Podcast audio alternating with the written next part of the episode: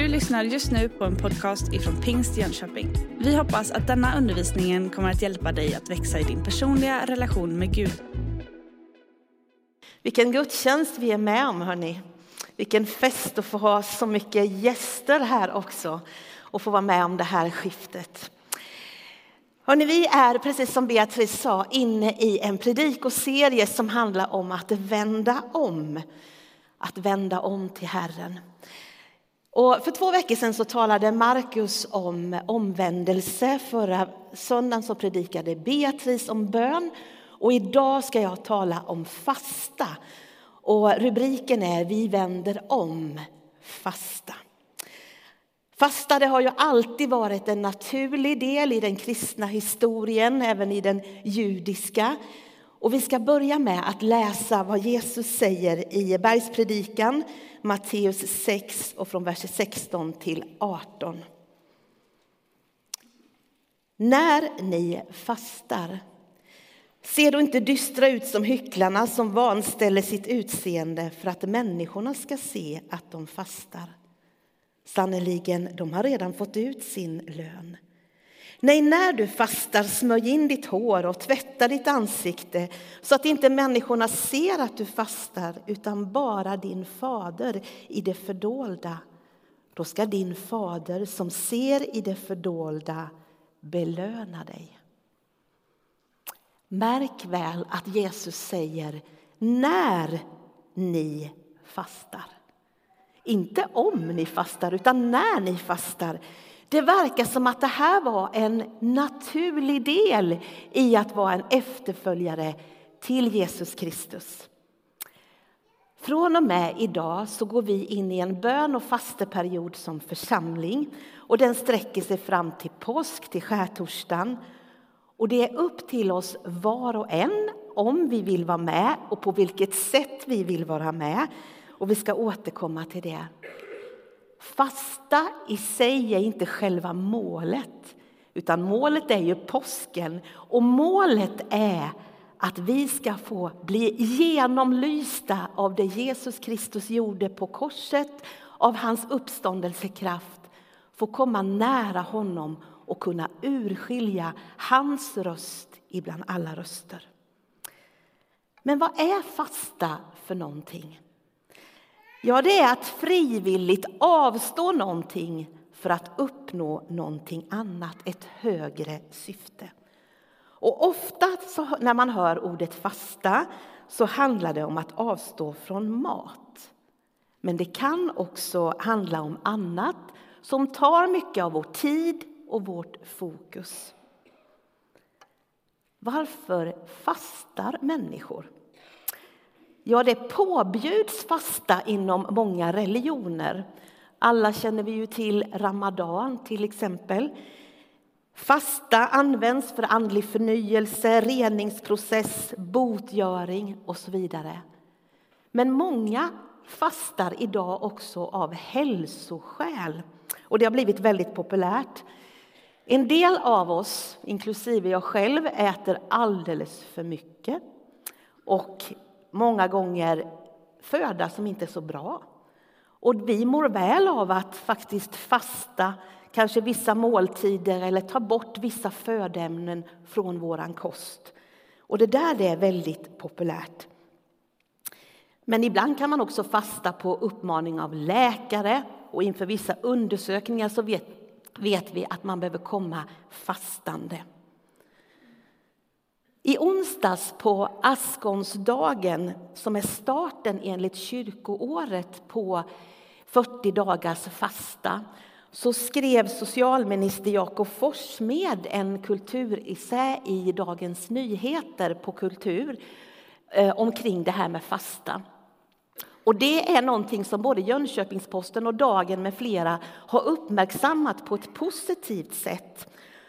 Och då så tar han upp det här bland annat om vi fastar enbart av hälsoskäl så reducerar vi fastan till ytterligare en punkt på vår självförverkligande kravlista. Det riskerar att bli ytligt om det bara handlar om vår egen hälsa. Fastan är något djupare. Han talar där om att skala bort allt viktigt för att liksom förstå vad är det viktigaste bland allt viktigt.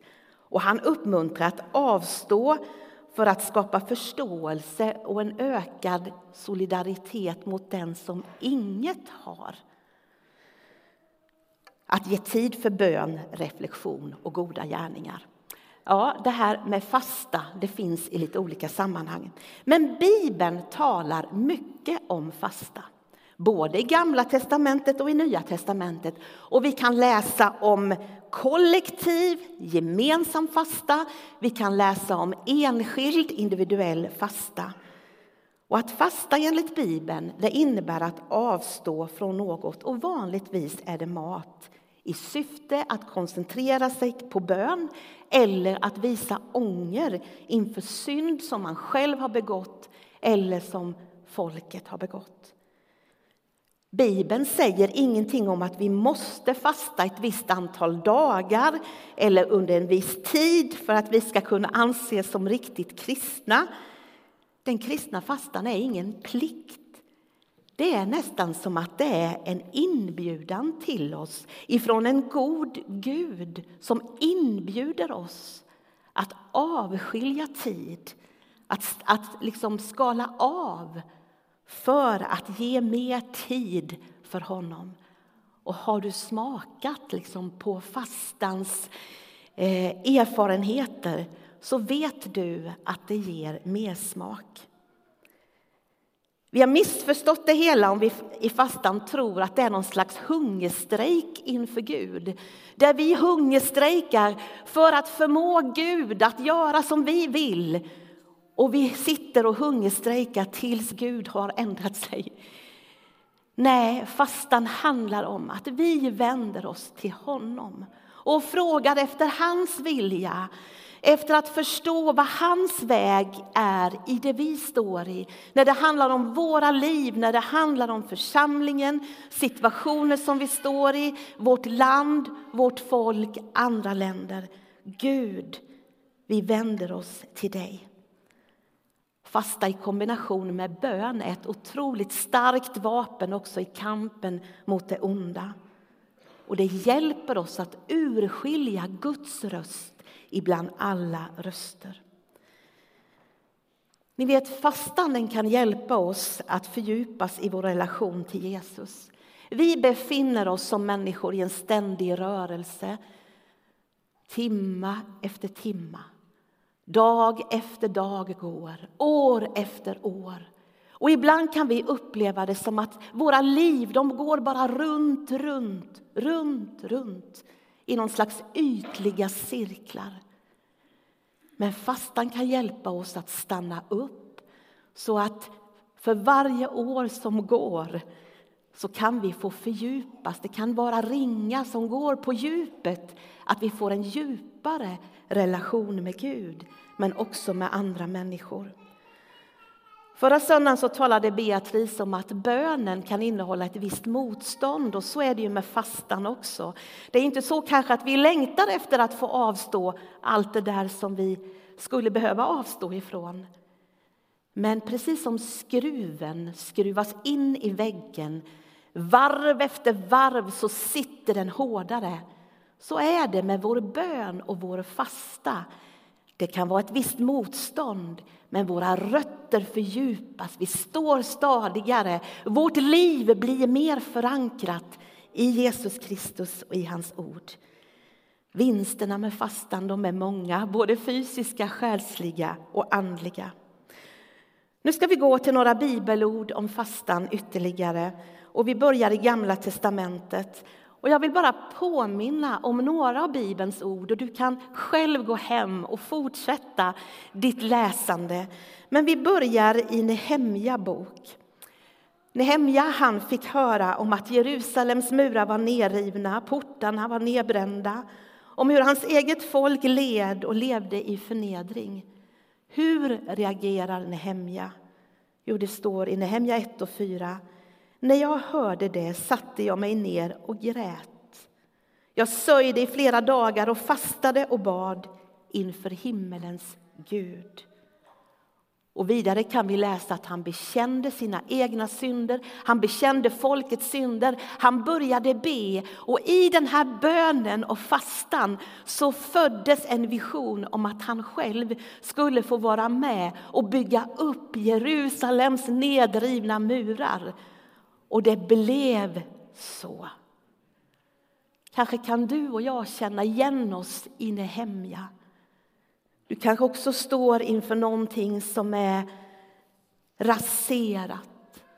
Och kanske Gud kallar dig och mig att gå in i fasta och bön för det som är raserat.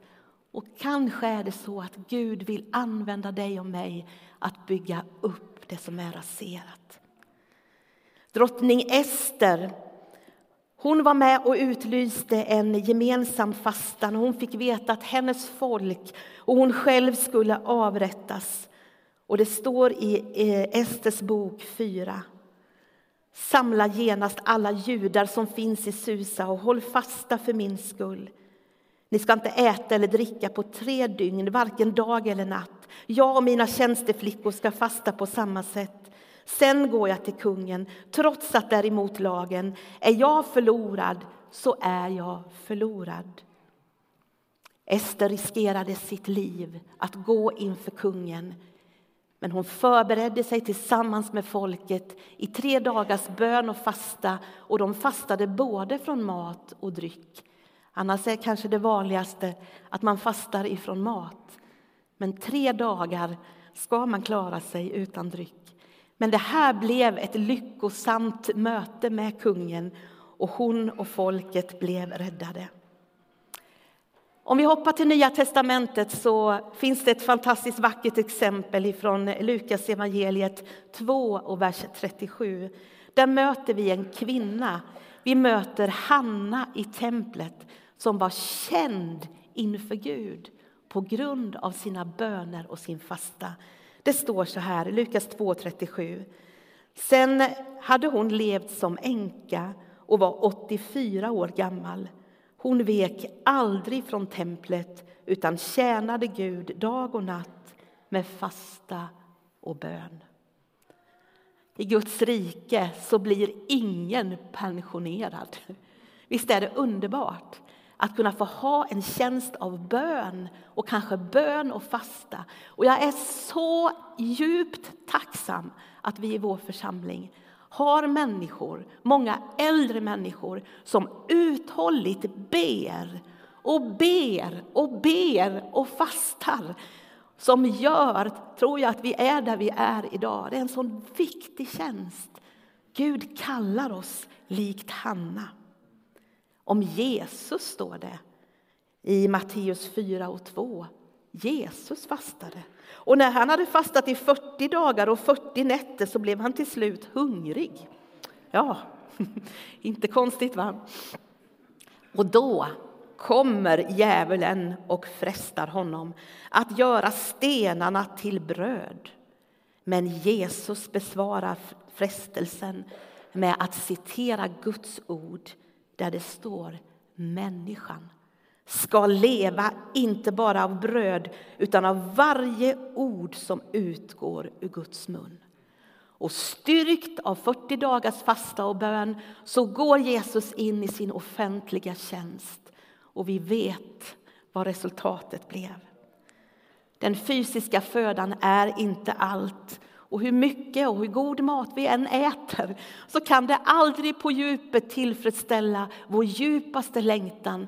Det kan bara Guds ord och Guds ande. Våra hjärtan de kommer aldrig att bli tillfredsställda av allt det här annat som vi söker i. Jesus han fick vid tillfälle en fråga omkring detta med fasta när det gäller hans lärjungar. Matteus 9 och 14, där står det så här. Sen kom Johannes lärjungar fram till honom och frågade varför fastar inte dina lärjungar både vi och fariseerna fastar? Jesus svarade, inte kan väl bröllopsgästerna sörja så länge brudgummen är hos dem. Men det ska komma en tid då brudgummen tas ifrån dem och då kommer de att fasta. Det finns en tid för fest och det finns en tid för fasta. Så länge lärjungarna hade Jesus hos sig så var det inte tid att fasta. Men det kom en annan tid och vi lever i en annan tid. Det är tid för oss att vända om till Herren i fasta och i bön för våra liv, för våra barns liv, för vårt land, för vår värld som lider. I den första församlingen var bön och fasta någonting naturligt. Och när man skulle utvälja ledare så var det här någonting som man praktiserade. Apostlagärningarna 13 och 2. När de tjänade Herren och fastade sa den helige Ande avskilj Barnabas och Saulus åt mig för den uppgift som jag har kallat dem till. Då fastade de och bad och la händerna på dem och skickade sedan ut dem.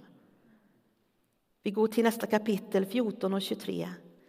I varje församling utsågs det äldste åt dem. Efter bön och fasta överlämnade de åt Herren som de hade kommit till tro på.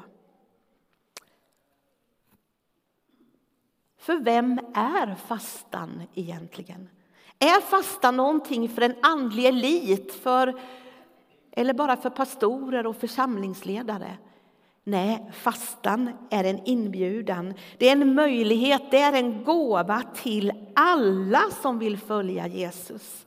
Och för många kristna så tror jag att det här är ett outforskat område. Många kanske inte har prövat på att praktisera fastan. Men det är någonting viktigt som vi kan få växa i, komma in i och lära oss om. Jag minns min första fasteperiod. Alltså jag är ingen expert på detta, jag vill verkligen säga det. Och när jag ser tillbaka i mitt liv så skulle jag önskat att jag faktiskt hade tagit vara mer på den här möjligheten än vad jag har gjort. Både när det handlar om matfasta och när det handlar om fasta ifrån sociala medier, skärmar och allt annat som vill distrahera. Men när jag var 19 år var jag på bibelskola i Gävle jag hade åkt dit på en månads bibelskola och jag hade upplevt att Gud hade lett mig dit. Jag hade sagt upp mitt jobb, jag hade sagt upp min lägenhet och jag sökte Gud för nästa steg i mitt liv. Jag vet inte om jag vill rekommendera att göra så här till mina egna barn, men jag gjorde så. Och så gick det tre veckor på den här bibelskolan och så inser jag en vecka kvar. Jag har inget jobb, jag har inget boende. Men jag hade fått höra, jag är väldigt glad för det, att jag hade fått lära mig av några ungdomsledare som hade talat om man kan be och fasta för att lättare höra när Gud talar. Och så började jag att be och fasta. Jag minns inte om det var dagsfasta eller hur det var. Men efter några dagar så är det som att jag får höra Guds tilltal väldigt tydligt in i mitt liv. Och jag kan inte säga att det har varit så tydligt så många fler gånger i mitt liv, men då fick jag höra väldigt konkret. Och på ett par dagar så ordnade sig allting och jag fick tydligt se Guds ledning i mitt liv. Och det där har gjort att jag har ju fått se själv att det gör någonting. Mina öron öppnas, mina ögon blir klarare. Jag blir mera upptagen med Gud, vad vill du? Gud han ser inte främst till längden och vidden av vår fasta utan han ser till våra motiv. Och det här med, med fasta, hur kan vi fasta egentligen? Ja, det handlar ju oftast om att avstå från mat. Men det är inte lämpligt för alla att avstå från mat. Är du gravid eller ammar eller har haft ätstörningar eller har ätstörningar så är det inte att rekommendera alls. Eller du kanske har sjukdom som gör att det inte alls är bra för dig att fasta eller hoppa över en måltid. Men då ska du veta att det finns andra sätt att fasta, så du kan också vara med. Men oavsett om vi skulle vilja fasta, att avstå från mat, så är ju en grundregel att börja i det lilla. Är du inte van, ska du fasta en lång period, ja men då är det ju jätteviktigt att trappa ner och sen trappa upp. Men vi kan fasta, vi kan hoppa över en måltid och ta den tiden för att faktiskt söka Gud i bön. Att ge den tiden till bibelläsning och bön. Det vanligaste kanske är att fasta från alltså en dygnsfasta. Men det kan vara som hos Ester, tre dagar. Eller det kan vara, det kan vara på olika sätt. Det får vi själva bestämma och göra upp med Gud. 40 dagars fasta, det är väl inte det jag rekommenderar idag för den som är ovan och det har jag aldrig testat själv. Utan där behöver man veta vad man ger sig in i. Men när vi fastar så är det någonting som är mellan dig och Gud som vi hörde i första bibelordet. Det är ingenting vi ska prata vitt och brett om utan det är någonting som jag bestämmer mig för för att jag vill skala om och avskilja mer tid för Gud. Men naturligtvis behöver man prata med sin respektive om man lever tillsammans för det påverkar ju naturligtvis familjelivet. Men det finns ju alternativ och det finns någonting man ska kombin kan kombinera som jag tror är att rekommendera. Vi klagar ofta, inklusive jag själv, att det är så mycket. Jag har så mycket att göra. Vad är det som tar våran tid och vad finns det för tidstjuvar?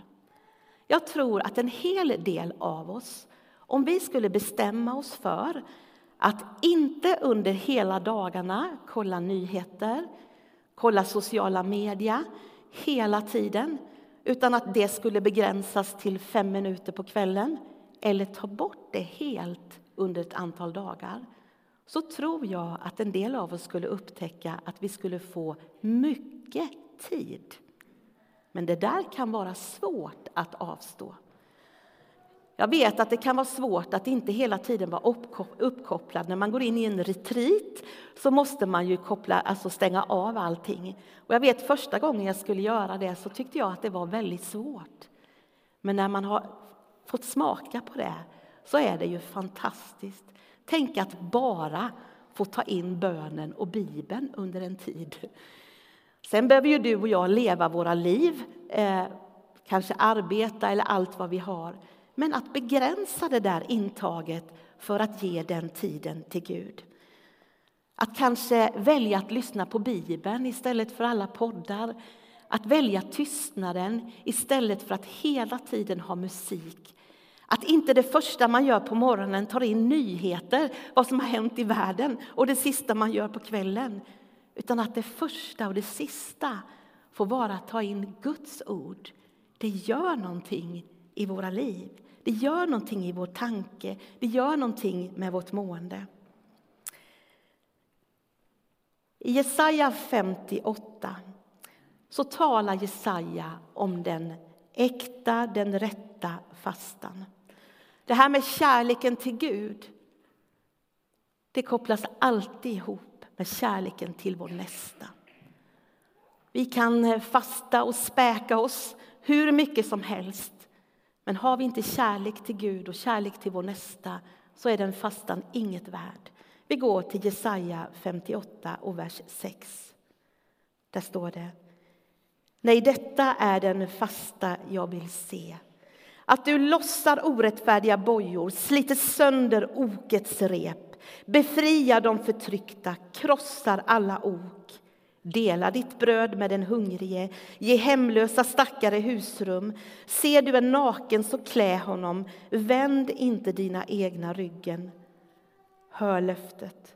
Då bryter gryningsljuset fram för dig och dina sår ska genast läkas. Din rättfärdighet ska gå framför dig och Herrens härlighet gå sist i ditt tåg. Då ska Herren svara när du kallar, när du ropar säger han, här är jag om du gör slut på allt förtryck hos dig, hot och hån och förtal, om du räcker ditt bröd åt den hungrige och mättar den som lider nöd, då ska ljus bryta fram för dig i mörkret, din natt ska bli strålande dag. Herren ska alltid leda dig, han mättar dig i ödemarken och ger styrka åt benen i din kropp. Du ska bli som en vattenrik trädgård, en oas där vattnet aldrig sinar. Dina uråldriga ruiner ska byggas upp, gångna släktens grunder ska du sätta i stånd. Du kommer att kallas den som murar igen rämnorna, den som gör det nedrivna beboeligt. En helhjärtad kärlek till Gud tar sig uttryck i vårt kärlek till vårt nästa. Dela ditt bröd med den hungrige. Ge den fattige hemlösa en boning. Klä den nakne Dra dig inte undan från människor. Det finns ett fantastiskt löfte när vi på det här sättet praktiserar den rätta fastan. Hur skulle vi inte annat än kunna tillsammans söka Gud i bön och fasta, älska våra medmänniskor och få se hur Guds rike bryter fram ännu starkare i vår stad, i vårt land och ut över världen. Om vi visste vad mycket nöd det finns. Och jag vet att det finns mycket nöd bakom de fasader som vi har här idag. Vi bär alla mycket nöd. I vårt arbete i församlingen, i vårt diakonala arbete så möter vi så mycket nöd. I vårt arbete ute över världen möter vi mycket nöd. Och vet du inte vad du skulle praktiskt och konkret kunna göra för din nästa så kom och prata med mig eller Beatrice och Markus så ska vi hjälpa dig. Det finns så många sätt att vara med, att engagera sig, att göra någonting för den som behöver. Kom till Café Hela Världen, möt någon som är ny i Sverige, bli en vän. Var med oss på Singoalla och bli ett stöd för en ensamstående förälder och deras barn. Bli liksom en extra dotter för en ensam äldre. Ja, listan kan göras lång. Nästa onsdag så får vi besök här i kyrkan av Elise Lindqvist. Hon kallas för ängeln från Malmskillnadsgatan. Hon är ett sånt där exempel. Hon är mycket över 80 år, men fortfarande så går hon på Malmskillnadsgatan och möter de prostituerade kvinnorna. Hon vill ge som gåva det hon själv har fått som gåva. Det är ett sätt. Det finns så många sätt. Den här fasteperioden så har två ord särskilt kommit till mig som handlar om att rensa och gallra. Att rensa i sitt trädgårdsland, det vet vi ju att det är viktigt. Förut har jag tänkt faktiskt att rensa det har mer med utseende att göra. Man vill att det ska se liksom fint ut. Men eh, att rensa ogräs, det har en mycket djupare betydelse. Och när vi tänker på våra egna liv, att rensa ogräs, ja, det är någonting som fasteperioden vill göra i våra liv. Hör här vad som jag har hittat som ogräsrensning kan göra. Ogräs konkurrerar med önskade växter om vatten, näring och ljus. Om ogräs tillåts växa fritt så kan det kväva eller försvaga de övriga växterna i trädgården.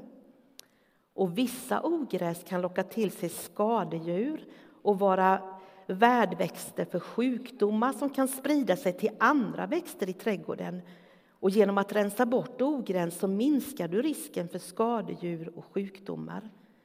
Och genom att ta bort ogräs ökar du luftcirkulationen runt växterna vilket kan minska risken för mögel och andra fruktrelaterade problem.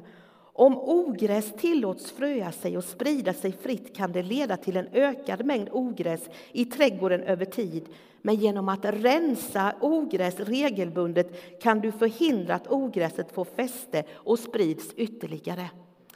Amen, om jag tänker på ogräs i mitt liv. Amen, en del saker är ju så uppenbart. Min självupptagenhet avund, bitterhet, oförsonlighet, girighet. Ja, men det är någonting som jag vill ska ryckas upp med rötterna i mitt liv. Jag vill inte ha det i mitt liv. Och därför så blir den här perioden av bön och fasta en möjlighet att Jesus Kristus kan få rycka upp det här i våra liv. Det kan vara andra saker han visar oss på som ska bort. Därför att det drar till sig andra skadedjur. Det kan spridas. Men det där vill han ta bort. Rensa. Gallra. Det handlar ju om att ta bort vissa växter för att minska trängseln och ge utrymme för de kvarlevande växterna. Genom att gallra bort vissa morötter, fast de är friska, så får de andra mer plats och kan växa till och det kan bli stora livskraftiga morötter. Men om vi sår för tätt så blir det bara ett missmass av allting och det blir inga stora morötter. Att gallra handlar att ta bort det som inte är dåligt, men för att ge mer utrymme. Och då tänker jag att det finns saker, vi fyller våra liv många gånger inte bara med det som är dåligt, utan vi fyller det också med mycket bra saker. Men det finns saker som vi skulle behöva gallra bort för att ge plats och utrymme för det som vi verkligen vill ska få plats och få växa till. Kanske behöver vi söka enkelheten. Om jag tänker själv på det här med mat så ser jag att för mig är det väldigt mycket så att mat upptar mycket av tankar. Vad ska vi äta? Vad ska vi laga? Ska vi bjuda gäster? Åh, nej, vi har inget att bjuda på. Alltså, det blir väldigt mycket tid som tas omkring mat. Tänk att få skala bort det där. Att få kanske ha tider när man inte äter någonting eller inte äter så mycket. Eller att det blir väldigt enkelt. Vad gör det med oss? Det ger utrymme för relationer med Gud och med andra. Ja, men du vet, vi har alla våra saker som upptar väldigt mycket av vår tid och våra tankar. Jesus säger, jag är livets bröd.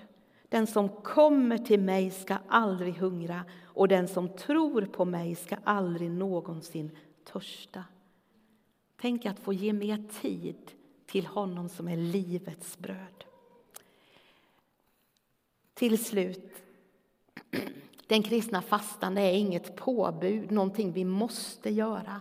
Det är ett fritt val för dig och mig att faktiskt bestämma oss för jag vill detta och jag vill göra det på det här sättet. Du fattar ditt beslut, vad du ska liksom ta bort, vad du ska ge utrymme för och på vilket sätt det här ska påverka ditt liv. Och när vi går in i bön och fasta, vi kommer att ha bönerummet öppet, det lilla salen är omgjord till ett bönerum. Det står öppet när kyrkan är öppen, du kan komma för din enskilda bön och bara stanna upp. Och vi kan be vid gemensamma bönetillfällen. Men när vi ber så ber vi både för våra liv, våra egna liv, våra nära och kära. Vi ber för vår församling, vi firar hundra år. Men eh, vad är det vi ska ta vidare, nästa liksom epok? Vad är det Gud vill? Vi ber för vårt land, vi ber för vår värld. Vi ber för alla människor som kämpar. Jesus han säger att han är trädgårdsmästaren och han eh, vill både rensa och gallra och ansa så att vi ska kunna bära mer frukt. Det här är en möjlighet för oss. Och du och jag, vi får fatta våra egna beslut på vilket sätt vi vill använda den här tiden. Men temat för idag det handlar om omvändelse. Och jag ska alldeles strax eh, låta dig vara med i en bön om du vill. Att omvända sig, alltså det är en sån möjlighet. Har du tänkt på när vi uttalar Herrens välsignelse så säger vi att Herren låter sitt ansikte lysa för dig. Herren vänder sitt ansikte till dig och ger dig av sin frid. Och när vi omvänder oss, då är hans ansikte redan vänt till oss. Därför behöver vi aldrig, vi behöver aldrig vara oroliga för att vända oss till Gud. Vi får komma med vår synd, vår smutsighet, vår brist. Vi får bekänna och säga som det är, ta emot hans förlåtelse och så vill han förvandla våra liv. Vi kan inte lyfta oss själva i håret, men han kan förvandla våra liv genom sin ande. Jag har tänkt att vi ska använda en syndabekännelse som, som finns, som någon annan har formulerat. Och om du lägger upp den, Jakob, där så kan vi få läsa den tyst för oss själva först. Och så ska du få vara med och läsa den gemensamt om du vill. Det är ett sätt omvända sig, vända sig till Gud.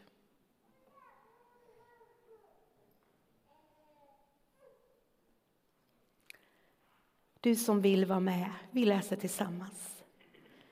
Jag bekänner inför dig, helige och rättfärdige Gud att jag har syndat med tankar, ord och gärningar.